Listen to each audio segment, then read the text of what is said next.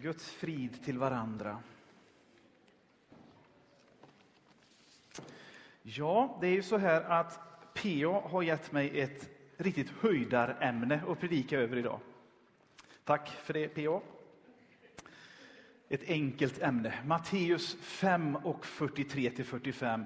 Men också ett av de mest revolutionerande och för världen helt avgörande budskapen. Vi läser tillsammans. Så vi kan, har du inte din bibel med dig så kör Robin upp det här och vi läser Matteus 5 och 43 igen. Ni har hört att det är sagt. Du skall älska din nästa och hata din ovän. Jag säger er, älska era ovänner och be för dem som förföljer er. Då är ni er himmelske faders barn. Han låter sin sol gå upp över onda och goda och låter det regna över rättfärdiga och orättfärdiga. Det här är en text som du aldrig kommer att bli klar med. Det strider mot vår mänskliga natur. När vi blir utsatta för någonting orättfärdigt så vill vi på något sätt få revansch. Och I alla filmer och i alla böcker så bygger storyn på att det finns en fisk och så kommer det en lite större fulare fisk och äter den lilla fisken. Men den lilla fisken vet att i slutet av filmen och boken så kommer det en ännu större fisk och hämnas på den allra minsta fisken i början. Så bygger våra västerländska historier på att det kommer någon i slutet och ställer allting till rätta och hämnas orättfärdigheten, slår tillbaka. Och det finns någonting inom oss djupt mänskligt som längtar efter revansch, som längtar ibland efter hämnd. När jag var liten så var jag inte lika muskulös och stark som jag är idag. Eh, och det hade några grabbar insett där jag bodde. Så att de, när jag kom ut i vår lekpark så var de där och så skulle de brottas och bråka med mig. Min mellanbror, som då är den större fisken i sammanhanget, upptäckte detta. Så han sa till mig, du Christer, nu gör vi så här. Jag gömmer mig bakom häcken här i parken. Så går du ut i parken nu. Så kommer de. Så ligger jag där bakom och väntar. Och så gjorde vi så. Så jag gick ut i parken. Och mycket riktigt så kom de här killarna och skulle bråka. bråka och det var bara det att då dök den större fisken upp, alltså läs min mellanbror. Och så var det slut. Och så var det löst och så kunde jag gå ut i lekparken och leka sen. Och det var ju en mänsklig och bra lösning. När man har en större bror som kan kliva in och ta lite ansvar. Jesus visar oss på någonting annat här. Och när jag förberedde den här predikan så fick jag en tidning. Jag är med i ett fackförbund som heter Unionen. Och de ger ut en tidning som heter Kollega. Och I det här numret så berättar man om en kvinna som blir utsatt för ett rån. Och Då ska jag läsa för dig vad redaktören skriver i Unionens tidning. Det skriver så här. Överskriften är Alla har rätt till en andra chans.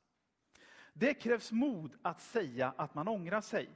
När Liselott skulle möta den som rånade henne på hennes arbetsplats krävdes det mod också från hennes sida.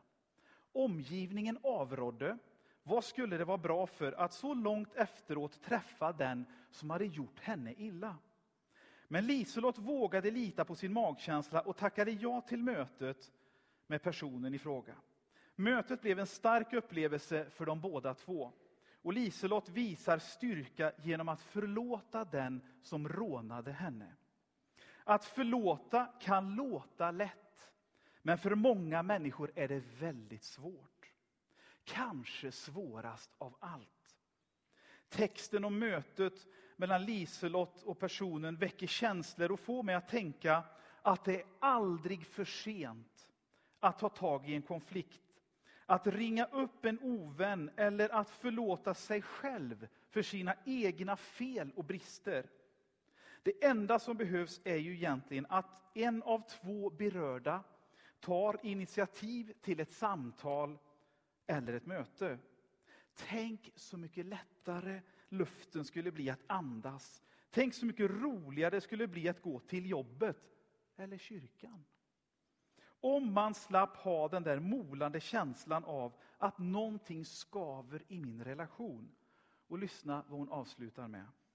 Att försonas, det är att läkas en smula. Man skulle kunna tro att det var en kristen tidning. För det är vårt budskap nämligen, som hon tar upp. Att försonas, det är att läkas en smula.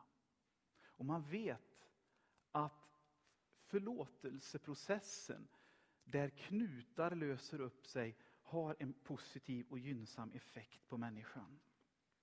Här blir nu Jesus det bästa exemplet. Han gör ju nämligen så här. Han helar sina ovänner. I ett semane trädgård så beskriver den grekiska grundtexten hur hela den romerska hären tillsammans med den judiska tempelvakten fullt beväpnade, upp mot 600 man i ett semande trädgård, stormar in med massor av lampor och lyktor, fast att det är fullmåne vid påsken i ett semande trädgård, och ska gripa Jesus för att ställa honom till rätta. Han blir försvarad av Petrus, sin lärjunge, som tar fram sitt svärd och hugger en av dem på örat så det går sönder. Men Jesus väljer att bota den här människan i det här läget. Vad gör han mer? Han ber för sina ovänner. Vad gör han mer? Han dör för sina fiender.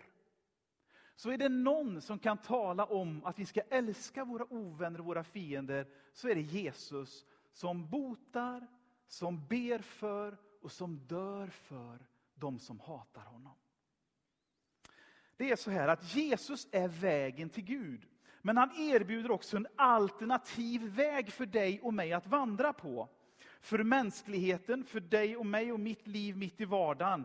Jesus ger dig och mig en möjlighet att välja försoning istället för hämnd och hat. Ett exempel är Sydafrika, där man visste att eh, det gick mot sitt slut med apartheidsystemet. Och när det löstes upp så skulle hela landet kunna vänds i ett inbördeskrig, ett enda hämndblodbad. Men man väljer att gå försoningens väg och tillsätter någonting som jag för mig man kallar det för sanningskommission. Och Nelson Mandela som hade suttit upp mot 28 år fängslad för det här, väljer att gå försoningens väg för landets bästa. Texten som vi läser idag är ur bergspredikan i Matteusevangeliet. Men den kallas också för Guds rikets grundlag. Det är så här Guds rike fungerar. Det är så här Guds rike fungerar. Du och jag har ju hört det här många gånger. Ja, men står det inte i Moseböckerna öga för öga, tand för tand? Vad är det för en hämndlysten Gud som skriver sådana regler? Tvärtom min vän. Det talar om ett proportionerligt straff och kompensationssystem. Det betyder inte att man ska peta ut ögonen på folk. Det säger att ett, ett straff eller en återbetalning alltid ska vara proportionerligt och stå i proportion till det som har hänt. Sverige var en gång i tiden ett klansamhälle där man tillhörde en klan, Folkungarna eller Erikarna eller någon annan släkt. Och då var det så att när du hade emblemet när du hade flaggan, när du tillhörde släkten, så visste du att din släkt beskyddade dig, försvarade dig och hämnades dig. Du kan läsa om detta i Jan Guillous bok om riddar riddare Arn, som inte har funnits i verkligheten. Men det här har funnits i verkligheten. Ett klansamhälle fram till Gustav Vasas tid då man bestämmer sig för att det är staten, svenska staten, som ska hämnas orättfärdigheten. Det är inte klanen, det är inte släkten, det är inte bundsförvanterna. Och idag har vi i Sverige ett system där staten ser till att kompensera, ser till att bestraffa det som är orättfärdigt. Så vi har varit i en situation i det här landet där hämnd var något väldigt viktigt upprättelse och ära. Och I det här landet så började det predikas ett helt annat rikes grundlag. Och det är det som Jesus pratar om här. Vers 43 säger, ja, ni har hört att det är sagt, du skall älska din nästa och hata din ovän. Det lustiga är att hata din ovän, det står inte i Bibeln. Det var esséerna som var en judisk sekt som fanns på den tiden. De hade lagt till det, de hade skruvat upp det lite grann. Och de levde i avskildhet med varandra. Och de hade tillfört också detta att man skulle hata sin ovän. Detta hittar du inte i Moseböckerna. Han säger vidare, jag säger er, älska era ovänner och be för dem som förföljer er. Det här är revolutionerande, för så här hade det aldrig hörts förut. Men det Jesus gör, det är att han ber oss inte älska våra ovänner och fiender på samma sätt med de känslorna du har för din familj, eller den du älskar i livet. Utan i, här använder grekiskan olika ord. Och när Bibeln talar om att vi ska älska våra ovänner, så pratar de om ett viljebeslut. Men det i en vänrelation växer fram en kärlek emellan oss. Så när Jesus ber dig älska dina ovänner så säger han inte du ska känna för det, du ska få känslor för dem, utan det handlar om ett beslut. Jag tillhör ett annat rike med en annan grundlag som inte kräver hämnd, utan som svarar med att beslutsamt älska.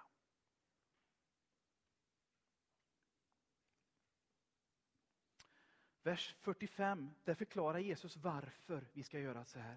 Jo, då är ni er himmelske faders barn. Han som låter sin sol gå upp över onda och goda och låter det regna över rättfärdiga och orättfärdiga. Det är så att Gud är hela jordens och hela mänsklighetens Gud. Och han som har satt igång naturlagarna, ser till, har det i sin funktion att det här ska funka oavsett hur vi lever. Sen kommer vår miljöpåverkan som du vet att dra det här i en negativ riktning. Men på grund utav att Gud älskar hela mänskligheten, älskar jorden, han tycker att det är gott att det finns människor, han älskar människan. Och han vill att du och jag ska vara lika honom. Vi ska precis som ett barn blir lik sina föräldrar. Så vill han att du och jag ska vara lika honom på den här jorden som han älskar så högt. Att vi ska andas ut det Gudsrikets luft, den grundlagen som han vill lägga ner i ditt och mitt hjärta.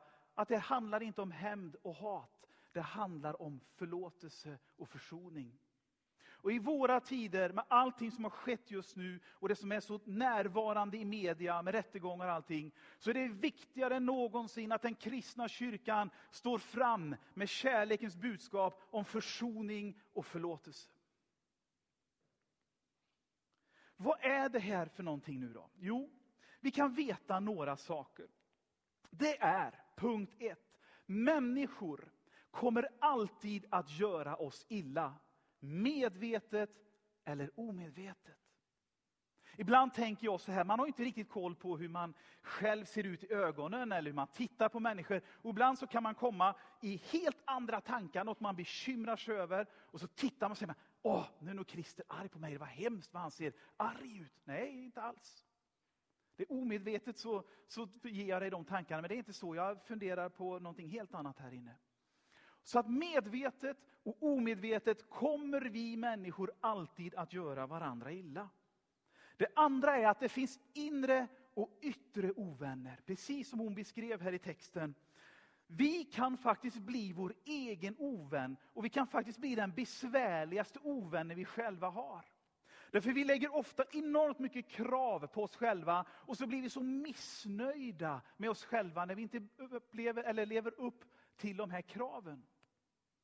Så vi kommer att ha både oss själva, inre och yttre fiender i vårt liv. Vi kommer att möta detta dagligdags, Du kommer möta det resten av ditt liv. Det är ingenting som du och jag kommer att kunna fly. Det kommer att finnas människor som medvetet vill göra oss illa och det kommer att finnas människor som omedvetet gör oss illa. Så ser det mänskliga livet ut.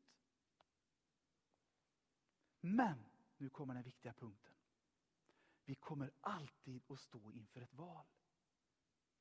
Vi kommer alltid att kunna välja mellan att hata tillbaka och hämnas eller att gå in på försoningens väg. Hur gör vi nu det här då? Nu ska vi låta Paulus hjälpa oss och därför flyttar vi oss till Romarbrevet 12. Romarbrevet 12. Vers 14. Och här börjar Paulus.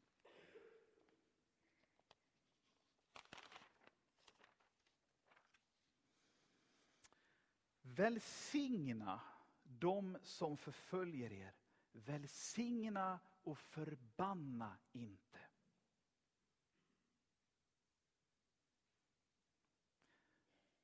Alltså, det här är någonting som du och jag kommer få brottas med resten av vårt liv.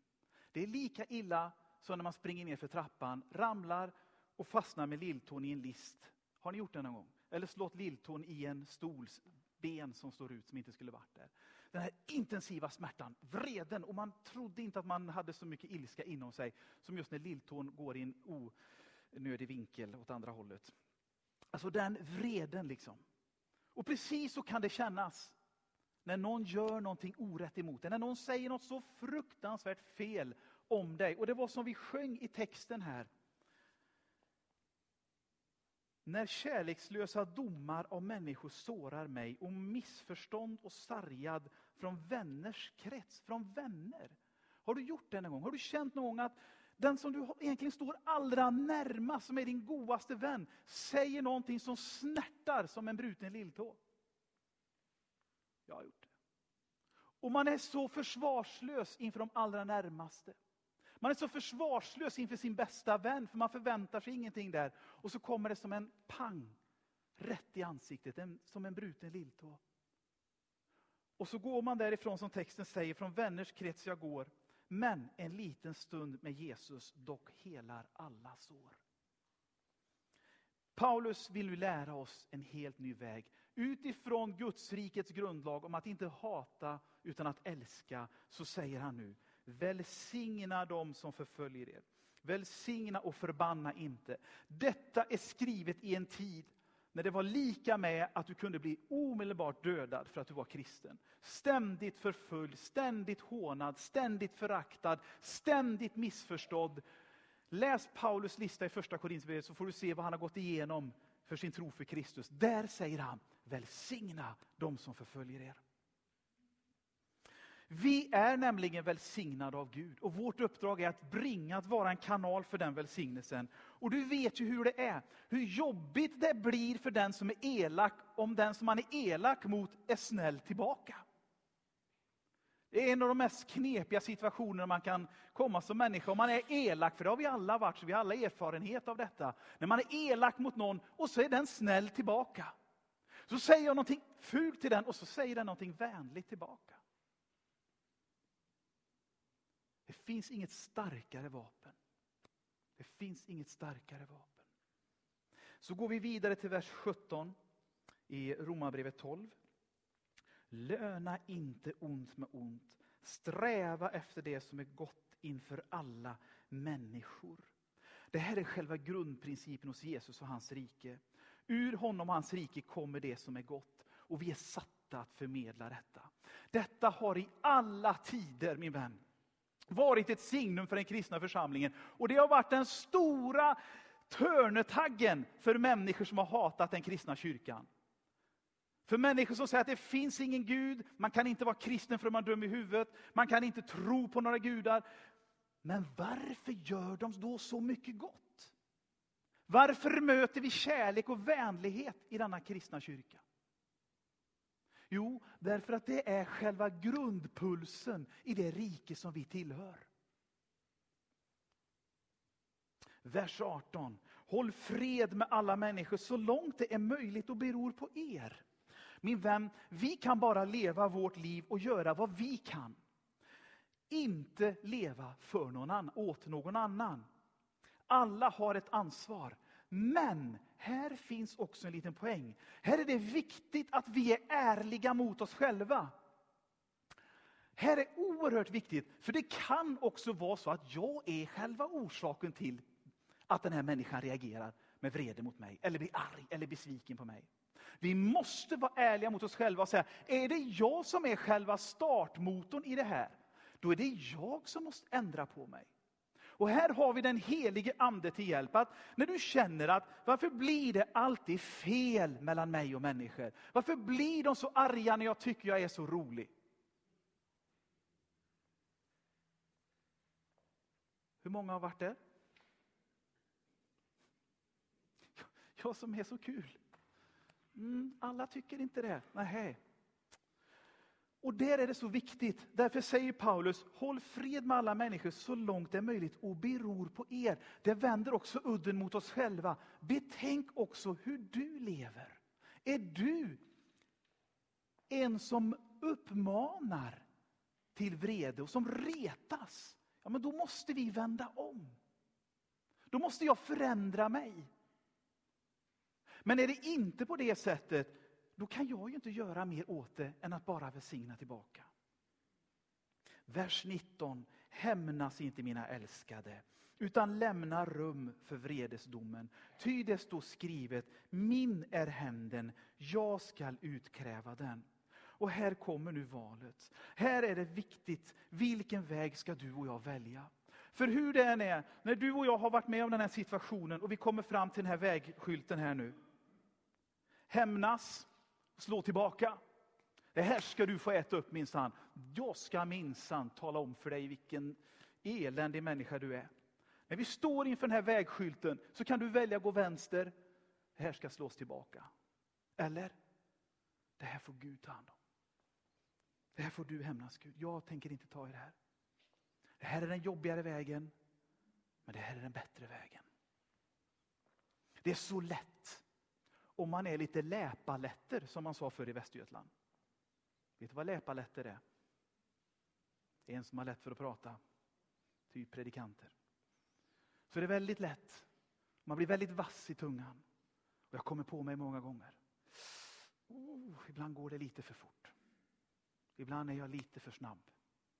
Ibland sticks det lite för mycket. För att det är så lätt ibland att bara snärta tillbaka. Jag ska ge er ett exempel. Vi ska gå till Apostlärningarna 6, 17, 16 eh, och 37 till 39. Jag vill bara ge en förklaring på detta också. För att det som är viktigt att förstå nu, att vara kristen, det innebär inte att du blir andras dörrmatta, där alla får komma in och skava av sig sin smuts under skorna varenda dag. Det handlar inte om det. Paulus och Silas är ett väldigt bra exempel på detta. Det var ju så att de hade predikat. Och så hade de blivit kastade i fängelse och så hade de blivit piskade. Så de, de satt längst in i en sån här stupstock i den mörkaste delen av fängelset. Sönderslagna på ryggen. Men vad gjorde de? De sjöng lovsånger där inne. Så hände någonting. Det kommer en jordbävning. Fängelset öppnar sig. Ehm, och så kommer vi in i berättelsen i vers 37. För i vers 36 så hade domaren sänt bud och sagt till Paulus och säger att ni ska friges. Så kom nu ut och gå i frid. Då säger Paulus någonting väldigt viktigt här. Men Paulus sa till dem, de har låtit piska oss offentligt utan dom och rannsakan fast vi är romerska medborgare. Och de har kastat oss i fängelse och nu vill de låta oss gå i hemlighet. Åh nej, de får själva komma och föra ut oss. Rättskännarna framförde det till domarna och när dessa fick höra att de var romerska medborgare så blev de förskräckta. De kom och talade vänligt till dem och förde ut dem och bad dem lämna staden. Snälla, gå nu. Här har det begåtts ett justitiemord. Mm. Väg med er. Vad var det som hade hänt? Paulus och Silas hade i egenskap av freds och fridsambassadörer för Guds rike, den nya grundlagen, att inte förbanna sina fiender. Predikat, men vad hade hänt? De hade hamnat i fängelse med sönderslagna ryggar. Och vad innebar det? Jo, de romerska myndigheterna hade på den platsen brytit mot en lag som heter Lex Poreia, som var instiftad 246 f.Kr. som förbjöd det här beteendet. Och det visste Paulus. Så han sa inte, ja jag är ju en kristen och, och ödmjuk här nu så att ni får göra vad ni vill med mig. Nej du, nu är det så här att jag kan ta det här att jag blivit piskad och kastad i fängelse, men ni har brutit mot en lag. Och det ska ni veta att så här gör man inte. Så att vara kristen, det är inte detsamma som att bli någons dörrmatta, där alla kommer in och skaver av sig. Det är också att stå upp i sanningens ljus och säga, så här gör man inte. Det är därför sådana som Wilberforce i England på 1700-talets slut stred som parlamentariker för att slaveriet skulle avskaffas. Och England, efter han hade dött, några dagar efter han hade dött, så beslöt man att slaveriet skulle avskaffas i England. Han var en varmt kristen parlamentariker. Så betalade England tillbaka en skuld som var större än vad man hade i reda pengar. Så att vara kristen, det är inte detsamma som att säga, ja visst, gör vad ni vill. Vi bryr oss inte, vi ska ju till himlen allihop. Att vara kristen, det är att stå upp mitt och säga, nej, så där gör man inte. Men jag tänker inte hämnas dig. Så gjorde Paulus och så gjorde Silas. Vers 20 i Romarbrevet igen. Vi går in mot landning. Men om din fiende är hungrig så ge honom att äta. Om han är törstig så ge honom att dricka. Gör du det samlar du glödande kol på hans huvud. För nu kommer det knepiga riket tvärtom som Bengan alltid pratar om här. Det här är riket tvärtom. Normalt sett så ska det ju hämnas. Normalt sett så ska det ju klämmas åt och visa att nu har du gjort fel. Men i Guds rike så säger Paulus till och med, ge dem något att äta. Ge dem något att dricka. Så finns det berättelser om diktaturer där papper och mammor har mist sina barn i diktaturen. När diktaturen föll så var diktatorn tvungen att bo hemma hos den familjen för han fick inte vara någon annanstans i samhället. Så de fick ta hand om diktatorn som hade sett till att deras barn hade dött. För han själv var nu ett jagat lamm. Ett villebråd. Djupare än så tror jag inte kristen tro kan bli. Alltså. 21. Låt dig inte besegras av det onda, utan besegra det onda med det goda. Det är i det här valet, när du står inför den här vägskylten, när du har blivit anklagad för någonting falskt, eller du har liksom blivit eh, påhoppad med någonting och du står och väljer, jag vill slå tillbaka. Så kan du välja att gå den vägen, slå tillbaka, så kan du välja den här vägen där Paulus säger, besegra det onda med det goda. Här finns en nyckel hos Jesus och Stefanus. Stefanus var en av de första martyrerna som blev stenad för sin tro på Jesus. Jesus vet du själv. Vad är det han säger? Fader förlåt dem, för de vet inte vad de gör.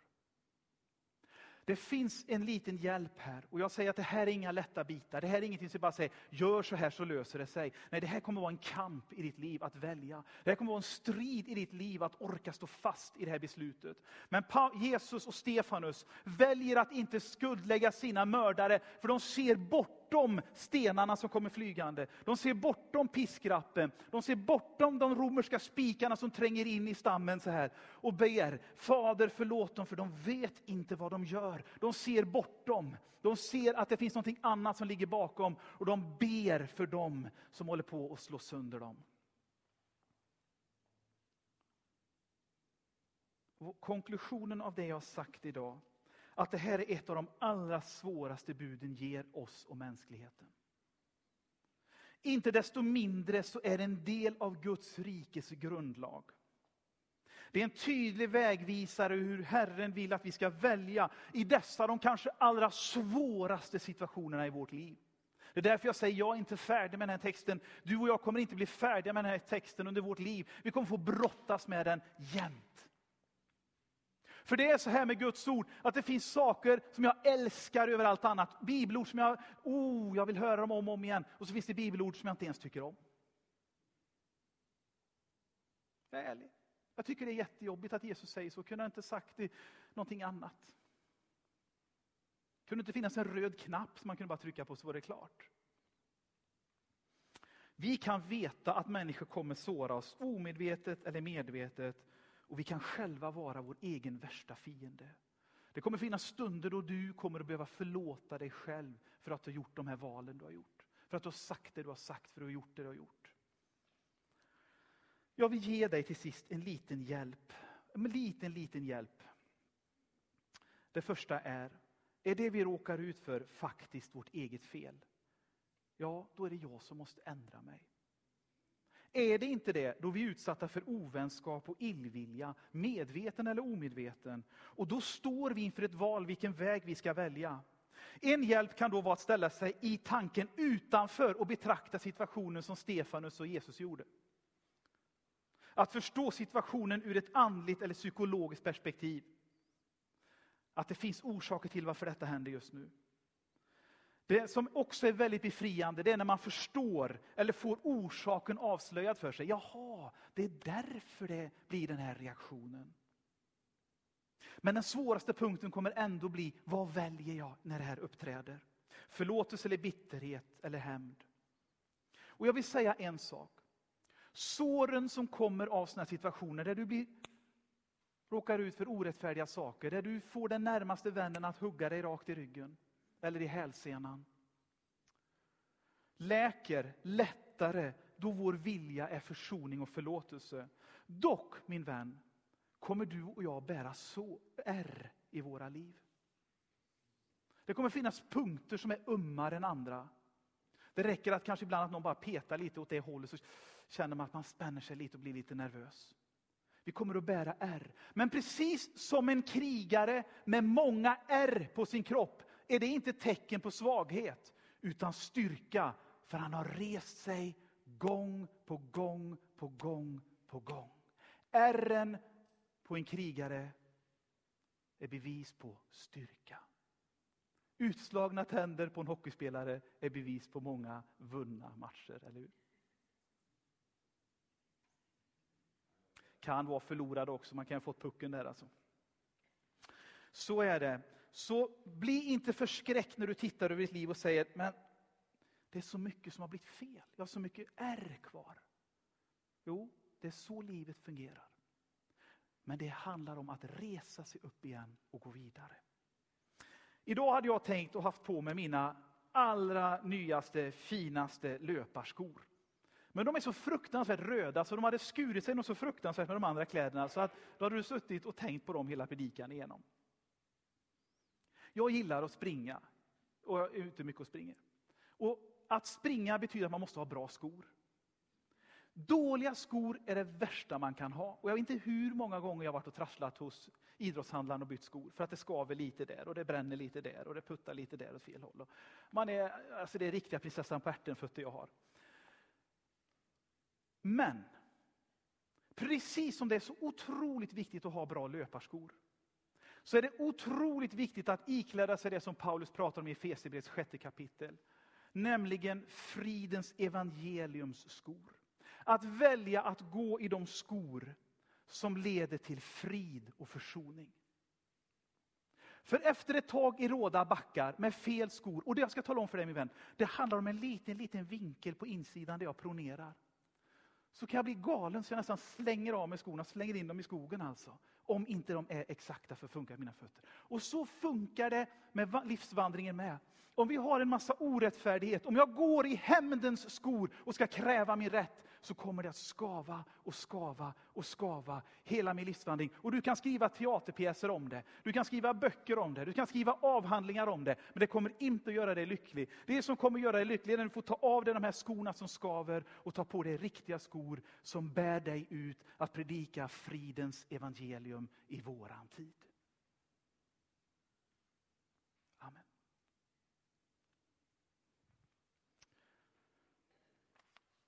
Ni kan... Eh, Herre, det här är svåra bitar. Vi är alla sårade på ett eller annat sätt.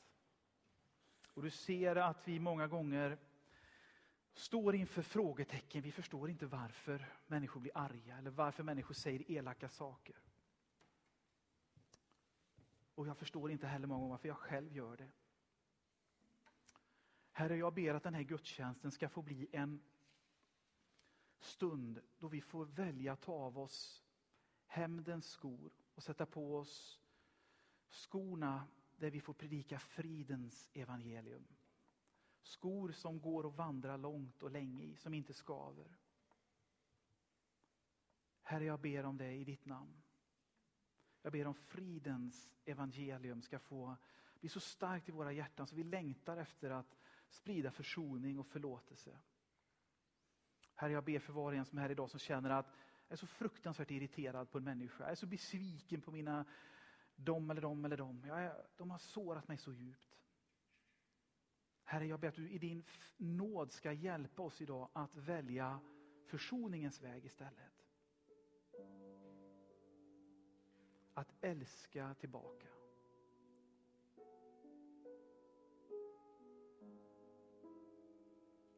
Herre, tack för din frid och tack för din ro nu. I Jesu namn. I Jesu namn.